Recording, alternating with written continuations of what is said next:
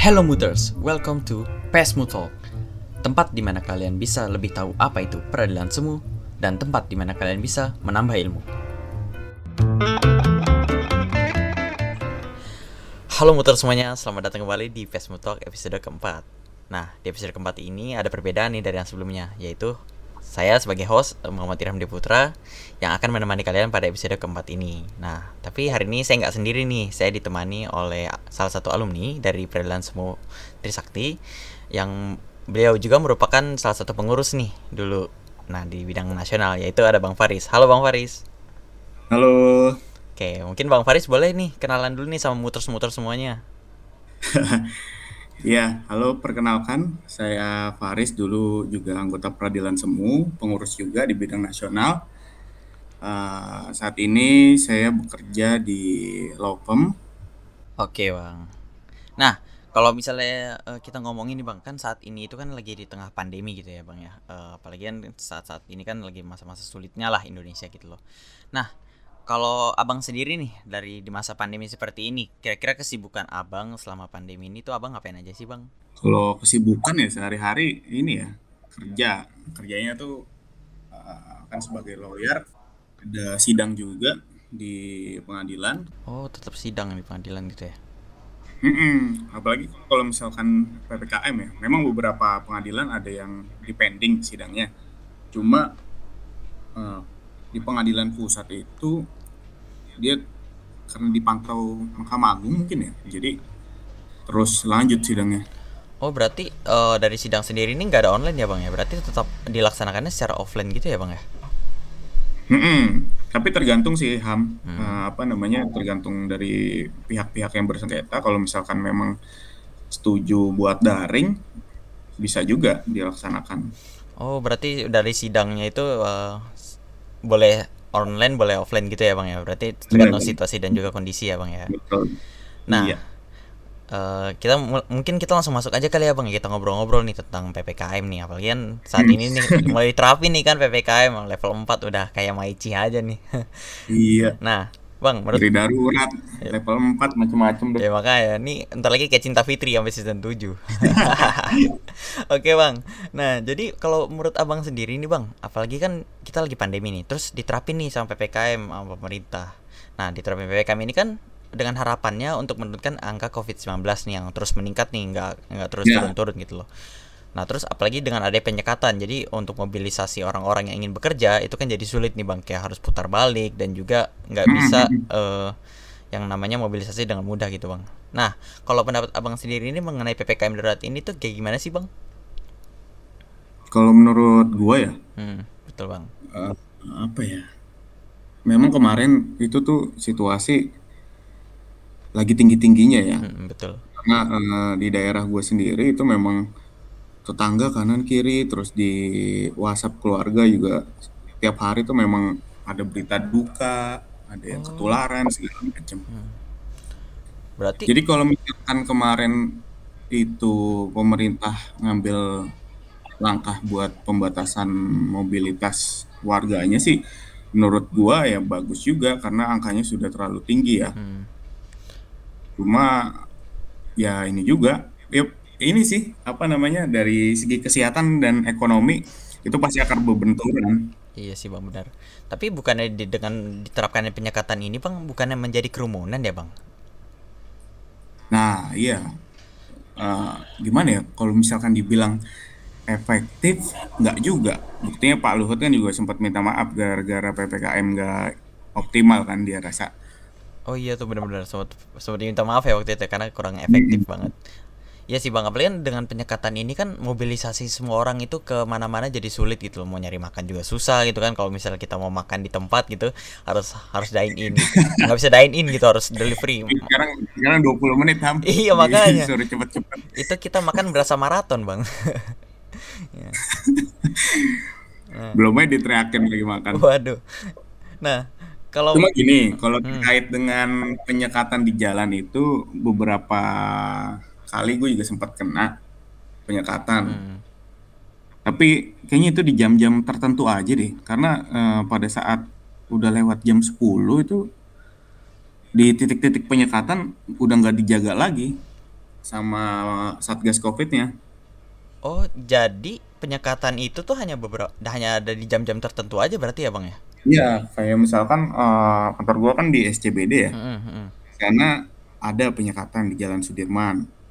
Setiap apa eh, pagi, pagi tuh apa sih ada jalanan ditutup, ada petugasnya, tapi begitu eh, longgar masuk jam 10, jam 11 Mm. itu apa namanya eh, pelang-pelang yang di sana tuh udah ada yang digeser, udah nggak ada yang jaga, jadi ya apa ya nggak efektif, Bi- dibilang nggak efektif, iya bener juga. Karena satgasnya petugasnya ya nggak nggak apa nggak standby di sana, jadi pasti digeser-geser itu Ah, palang-palangnya sama sama warga. Bentar, bentar. Berarti itu palangnya itu digeser sama warga langsung berarti ya bukan sama dibuka sama pihak dari Satgas Covid-nya berarti ya? Gue nggak tahu sih, cuma gue juga pernah lihat eh, ada apa eh, mobil orangnya turun dari mobil dia geser Mm. sendiri, gue lihat sendiri gitu. Wah, kalau kayak gitu kan nggak aturan tuh, Bang. Nggak boleh itu kan kayak gitu seharusnya. Ya nggak ada yang jaga mau gimana? Iya juga sih, Bang, bener. Nah, terus eh, kalau menurut Abang sendiri nih, eh, kenapa sih pemerintah itu menerapkan PPKM? Kalau menurut Abang tuh gimana tuh, Bang? Menurut gue ya, Mm, ya pertama itu latar belakangnya karena tingkat eh, penularan kemarin lagi tinggi-tingginya. Terus yang kedua, ya mungkin biar ini eh, ada langkah langkah yang tegas buat eh, menghentikan penularan. Karena eh, udah lumayan lama ini ada PSBB segala macam. Memang dari awal seharusnya ini ya ikut undang-undang karantina aja. Kalau menurut gua. Iya sih. Tapi, Tapi kan pasti ada beberapa pertimbangan di aspek-aspek tertentu ya. mm, mm, betul. Tapi emang bukannya dengan eh, diterapkan PPKM ini eh, kan nggak efektif gitu ya? Soalnya di beberapa negara pun dia nggak menerapkan PPKM. Contoh seperti di Malaysia gitu, Bang. Kalau di Mm. Malaysia itu dia dengan udah udah nggak lagi nih nerapin PPKM ataupun kayak lockdown gitu. Jadi ya dibiarin aja gitu masyarakat tuh beraktivitas dengan normal aja gitu. Eh, apa ya? Tapi kalau menurut gue gini Ham, Gimana tuh, Bang? negara-negara luar itu Mm, tepatnya tuh di awal-awal pandemi, menurut gue ya. Karena gini, eh, Liga Inggris itu kan sempat sempat ini di Eropa sana tuh sempat lockdown segala macam. betul. Dan dan buktinya di saat sekarang tahun ini mereka ngadain Euro, Indonesia baru baru tinggi-tingginya gitu loh. Mm, jadi Jadi terlambat. kayak kayak apa ya? Kayak telat gitu. Di Makanya sana udah happy-happy, di sini baru ini tegang-tegang ya kita. makanya Liga di Indonesia aja kan sampai diundur tuh, Bang, kalau ngomongin bola. Hmm, waduh parah dah. Aduh. Gimana ini? Nah, terus kalau misalnya di luar negeri itu kan eh, mereka juga vaksinasi itu cepat gitu bang dan juga merata gitu Hmm, ke semua lini bahkan di eh, baik itu tenaga medis dan juga lansia dan juga anak-anak gitu loh bang. Nah, Iya. tapi kalau menurut abang sendiri apakah vaksinasi sendiri di Indonesia ini sudah merata gitu bang? Kalau menurut abang sendiri gimana tuh bang? Kalau merata sih belum ya, karena eh, apa namanya? Beberapa keluarga gue juga ada yang belum dapat vaksin, Oh, datanya nggak masuk oke. di kelurahan Hmm, gitu. hmm. Cuma gue eh, herannya tuh gini, ada beberapa orang juga menganggap vaksin kan Hmm. eh, konspirasi apa segala Iya macam bang, jadiin bisnis gitu. Ini lu dikasih gratis vaksin, lu kabur, nggak mau divaksin, takut segala macam. Begitu ada berita vaksin berbayar, lu juga marah-marah. Wah, Itu gue lumayan kesel sih sama orang-orang kayak gitu. Jadi maunya apa gitu kan? Gitu. Gratis nggak mau, disuruh bayar, dibilang komersialisasi, waduh. Wah. Apalagi kan banyak banget nih bang yang beranggapan kalau misalnya vaksinasi COVID-19 ini dianggap itu berbahaya gitu bang. Kayak dibilangnya Nah, itu ya. pemerintah itu mem- membunuh gitu loh. Kayak ah ini pemerintah mencoba untuk membunuh sedikit demi sedikit gitu. Tapi kalau dia lihat nggak juga gitu loh bang. Nggak juga, nggak juga, malah apa ya? Ya bentuk inilah, bentuk percepatan percepatan apa ya? pencegahan penularan karena yang udah divaksin kan ya otomatis insya Allah kebal gitu ya sama virus-virusnya nggak mungkin ketularan lagi ya mungkin eh, bisa juga ketularan walaupun udah divaksin cuma kan uh, meminimalisir lah. Iya benar. Dengan di kita disuntik vaksin itu kan berarti kita secara nggak langsung itu kita disuntik virus virus covidnya itu ke Ya, badan gitu kan. yang, Tapi- yang apa sih vaksin kalau nggak salah virus yang dilemahin ya, Mm-mm. dilemahin atau gimana? Jadi kan ntar sistem di diri kita bikin kekebalan sendiri gitu kan? Iya betul bang. Jadi eh kalau vaksin itu yang setahu yang ini ngomong gue lu aja kali ya bang ya.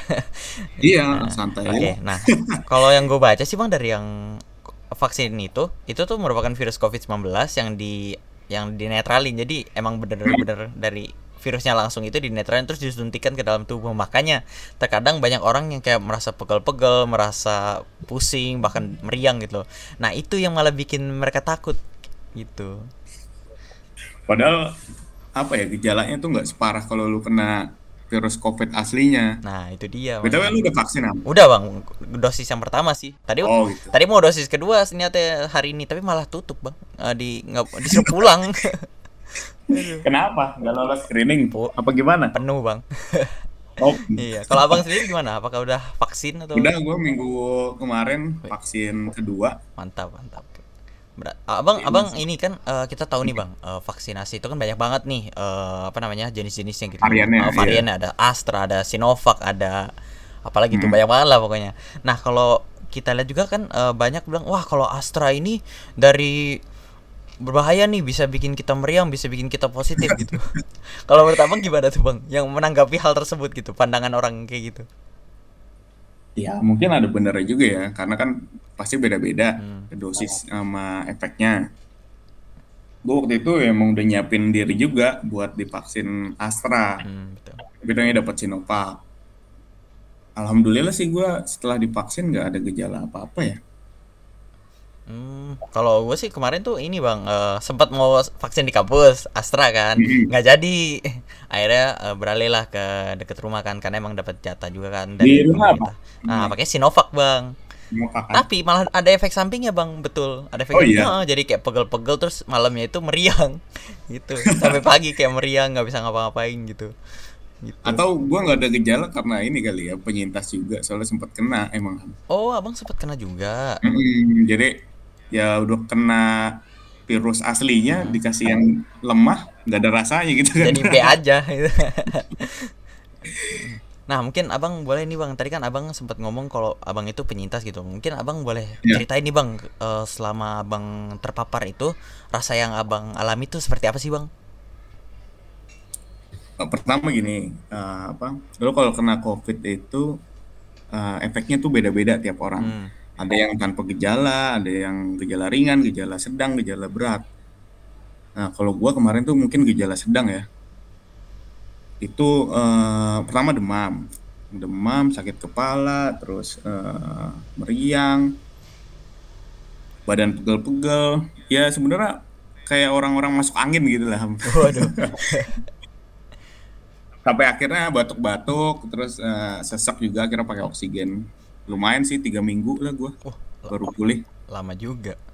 Mm-mm. Tapi eh denger-denger nih ya Katanya tuh kalau misal orang yang ter- terpapar covid Karena kebetulan gue juga nih bang Belum pernah terken- terkena covid gitu Jangan sampai lah gitu kan. Alhamdulillah lah. Aman-aman gitu. lah. Nah itu katanya orang-orang itu sampai nggak bisa napas. Itu benar gak sih bang? kalau gua iya. Jadi gua sampai takut berdiri ham. Oh. Gua harus harus rebahan terus kaum rebahan gua. Waduh. Kalau misalnya kalau misalnya berdiri itu langsung batuk sampai sesek kagak bisa napas. Saturasi langsung turun. Oh yang oke. dan yang bikin paniknya adalah eh, itu tuh waktu itu saturasi gua nyentuh angka 80 yang bikin panik saat itu adalah nyokap. Nyokap itu Hmm. kena yang namanya happy hipoksia dia eh, dia nggak ada gejala sesak napas tapi saturasi saturasinya turun terus sampai di bawah 60 kacau deh itu Waduh Ah berarti Tapi aman sih aman ya udah berarti sembuh. sekarang ya Hmm. Nah Bang eh, Tadi kan abang sempat nyebut itu happy hypoxia Nah itu happy hypoxia itu apa sih bang? Kalau happy hipoksia yang dari yang gue baca ya Mhm. yang gue baca tuh eh, jadi orang kalau kena covid dia nggak nggak ngerasa sesek atau eh, gejala apa pun tapi saturasi oksigennya itu di bawah di bawah rata Ham. Di bawah 90, di bawah 80 dan terus turun. Hmm. Itu kalau nggak nggak apa nggak diukur pakai oximeter atau nggak dipantau lah itu bisa gawat itu sebenarnya. Hmm, berarti penurunan ini ya, apa namanya? Saturasi dalam darah berarti ya, Bang ya. Mm-mm.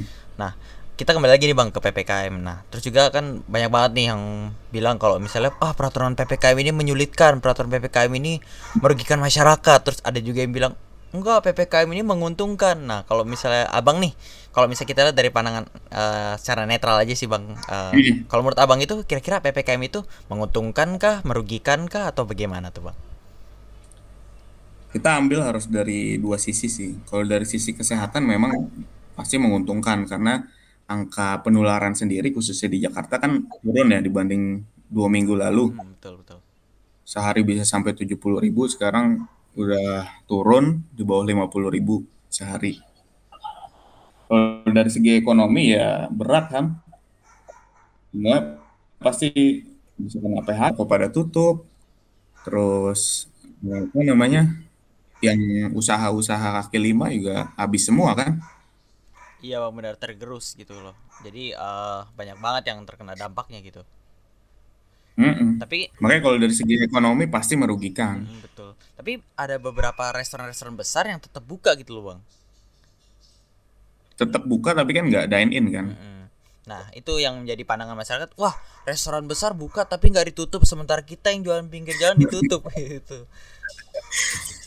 Ya itu penegakan hukumnya juga ini sih perlu diperhatikan memang. Hmm, Kadang-kadang kadang-kadang yang apa namanya warung-warung kecil justru tegas banget ininya apa satgasnya tapi sama yang gede-gede dia bisa lebih santai. Kalau misalnya tadi kan eh, ada ketidakadilan gitu loh. Nah, kalau misalnya Indonesia ini eh, nantinya setelah level 4 ini dia langsungkan lockdown gitu. Jadi nggak ada boleh yang beraktivitas semuanya di rumah dan juga nggak boleh ada interaksi satu sa- satu sama lain. Nah, kalau menurut Abang sendiri bagaimana tuh Bang? Karena kan ada beberapa orang yang beranggapan kayak wah ini bakalan lockdown nih di Indonesia nih. Nah, kalau menurut Abang sendiri dengan diterapkannya nanti kalau misalnya jangan sampai lah itu kan di lockdown gitu. Ya. Kalau menurut Abang sendiri itu kayak gimana? Kalau misalnya Indonesia di lockdown nih, misalnya gitu. Kalau gue ya, kalau misalnya lockdown sebenarnya udah terlambat sih, udah udah, udah banyak banget yang ketularan dan ekonomi juga udah turun habis. Hmm. Jadi kalau misalkan mau ambil kebijakan lockdown pun ya perlu dipertimbangin lagi dari segi ekonomi segala macam. Ntar apa jangan sampai salah langkah dan eh, nanti warga malah kumpul-kumpul unjuk rasa segala macam karena di luar Pulau Jawa tuh PPKM kan sempat diterapin nih di luar Pulau Jawa juga kan. Itu ada ada apa? Ada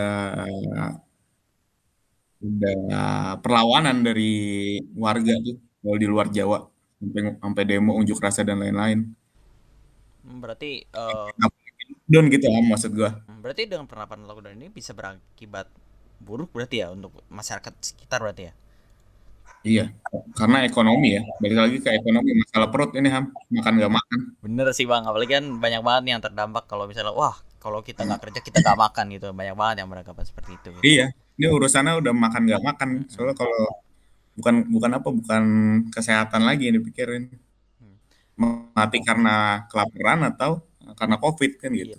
Nah, terus juga eh gue waktu itu sempat baca bang berita unik yang waktu itu sempat beredar di eh, sosial media, yaitu kan kita lagi diterapin ppkm dan juga kita lagi diterapin yang namanya penyekatan, tapi pemerintah Indonesia malah mendatangkan TKA gitu loh dari Cina gitu. Nah, No, no comment ntar ada tukang bakso. waduh, Eh. jadi tukang bakso. Yang bener aja lah. Iya. Ta- Tapi kalau misalnya menurut abang sendiri gimana tuh bang tentang hal itu? Ya, ya iya makanya eh, apa balik lagi ke penegakan hukum ya. Maksudnya di saat lu ngelarang-larang warga lu buat aktivitas segala macem, ya jangan sampai inilah, jangan sampai lu juga nyakitin perasaan mereka gitu loh dengan dengan hal-hal yang sebenarnya nggak perlu bawa-bawa orang asing ke dalam dan lain-lain. Oke, nah terus kalau uh, kalau kita obrolin lagi nih bang tentang uh, covid kalau kan katanya tuh covid ini kan bisa terus berjalan hingga sampai lima uh, tahun ke depan gitu loh bang apalagi tapi yeah. tapi setelah kita lihat juga dari angka pen, angka penurunan covid itu sudah mulai tinggi gitu loh angka yang tuh angka yang sembuh dari covid gitu loh yeah. nah tapi kalau misalnya kita lihat juga angka yang meninggal pun juga sedikit gitu loh tapi kenapa masih diterapkan ppkm gitu loh bang itu sih yang menjadi pertanyaannya gitu itu ini sih kalau menurut gue ya hmm. itu uh, mencegah adanya gelombang yang besar karena fasilitas kesehatan sama sarana prasarana itu nggak bakal menampung kalau tiba-tiba ada gelombang besar yang tertular covid gitu loh ham. Hmm, oke oke oke.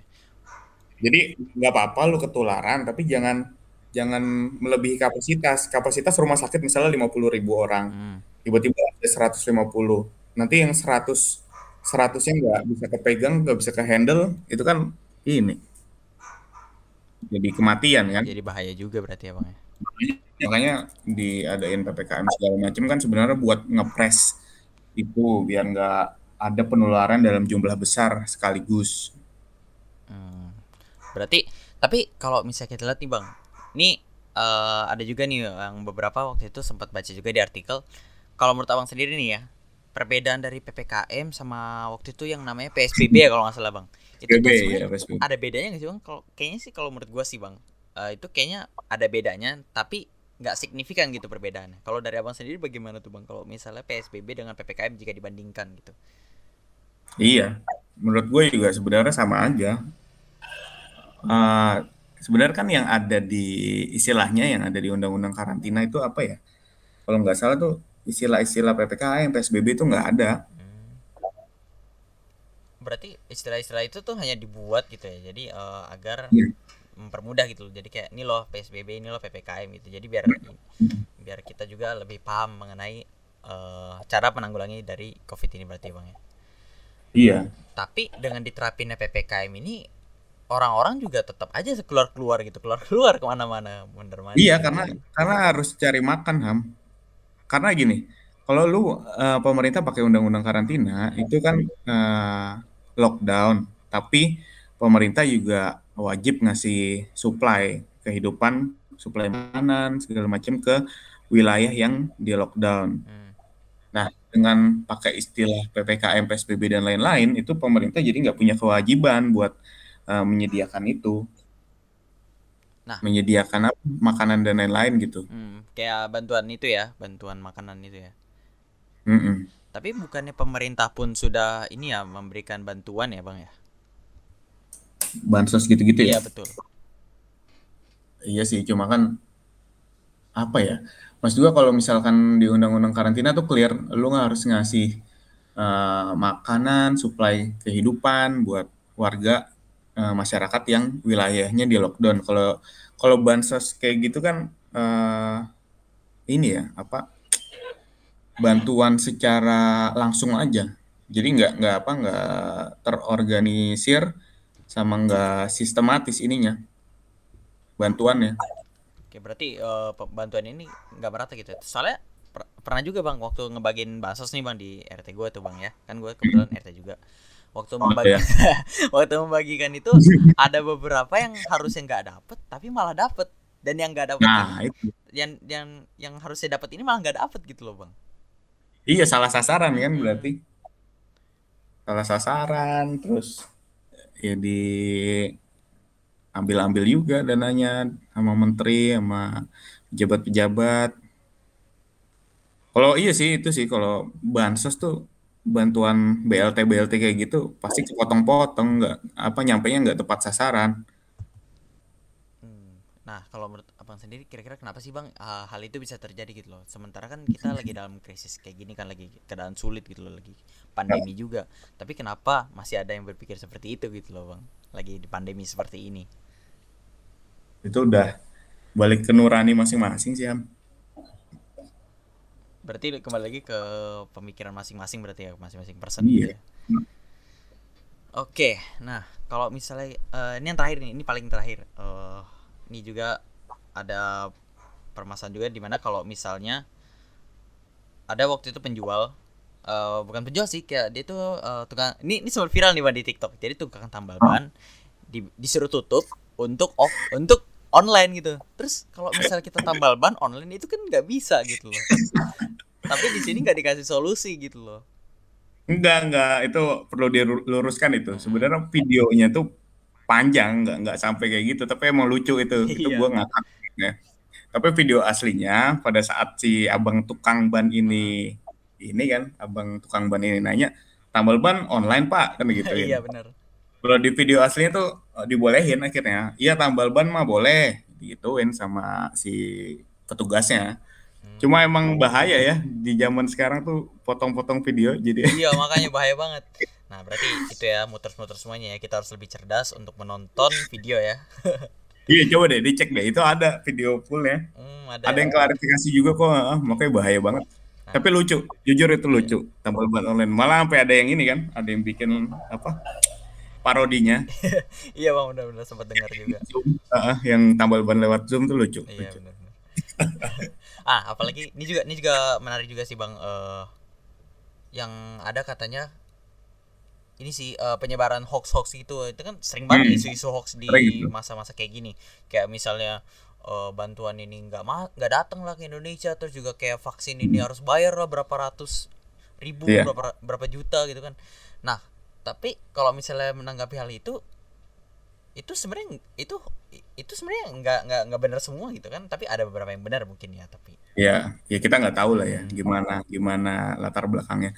Cuma gini uh, eh, pandangan gua itu ya boleh lu mau percaya konspirasi atau apa segala macam gak covid cuma ya paling enggak lu taati prokes jangan merugikan orang di sekitar lu gitu ya. Karena ya udah banyak yang mati bro. Gimana sih? Bener, udah bener. banyak korban jiwa terus lu lu masih gak percaya itu itu ada gitu loh. Iya makanya malah bilang ah, mungkin ya, ya kita nggak tahu uh, apakah memang konspirasi atau enggak? Apakah uh, COVID itu virusnya buatan atau laboratorium bocor segala macam? Ya kan ya nggak peduli lah. Yang iya. penting yang penting lu sehat saat ini. Lu taati ini apa prokes. Jangan bikin orang di sekitar lu itu jadi panik. jadi panik terus uh, ketularan. Apalagi orang tua ya itu jangan sampai deh. Iya benar benar, benar. yang muda-muda kalau di rumah tahan-tahan dulu. Jangan sampai lu keluar bawa virus ke rumah orang tua yang kena kasihan Iya sih bang, apalagi kan banyak banget kalau anak, anak muda kayak contoh kayak gue ini bang banyak banget anak, anak muda yang keluar keluar kadang suka nggak pakai masker gitu kan. Nah itu. Dan bahkan gue sendiri pun kadang pernah hilaf gitu loh ke masjid eh, masker mana gitu kan. Tiba-tiba nggak pakai masker gitu loh. Iya itu sih. Yang muda-muda tuh kalau keluar rumah ya inilah inget yang di rumah ada siapa, ada ada anak kecil, ada orang tua, ada kakek, ada nenek. Kalau mereka yang kena kan nggak nggak sekuat nggak sekuat yang muda gitu loh nahannya. Hmm, betul banget tuh, Bang.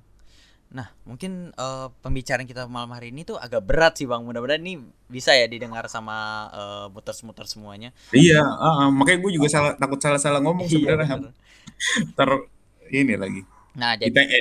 Waduh, ITE. Nah, jadi muter-muter semuanya walaupun pembicaraan kita berat pada malam hari ini tapi kita ngobrol secara ringan dan juga secara ini ya Bang ya, secara ya boleh iya. dimengerti lah untuk hal yang umum. Jadi buat teman-teman semua uh, harap didengarkan dengan baik dan juga jangan apa ya kalau misalnya kita ada berkata yang ada yang kurang mungkin boleh dibuang sisi buruknya dan juga ambillah sisi baiknya dari pembicaraan kita ya kan bang iya ini ngobrol santai aja ya mm -hmm. gua jangan apa jangan jangan apa jangan serius-serius juga iya jangan serius-serius banget gitu loh Oke, mungkin sampai sini dulu ya pertemuan kita pada episode 4 Facebook Talk hari ini. Buat teman-teman semua, terima kasih uh, sudah mau mendengarkan Facebook Talk sampai episode 4 ini dan tunggu episode selanjutnya dan juga terima kasih nih untuk Bang Faris sudah mau meluangkan waktunya di tengah kesibukan yang sangat banyak nih.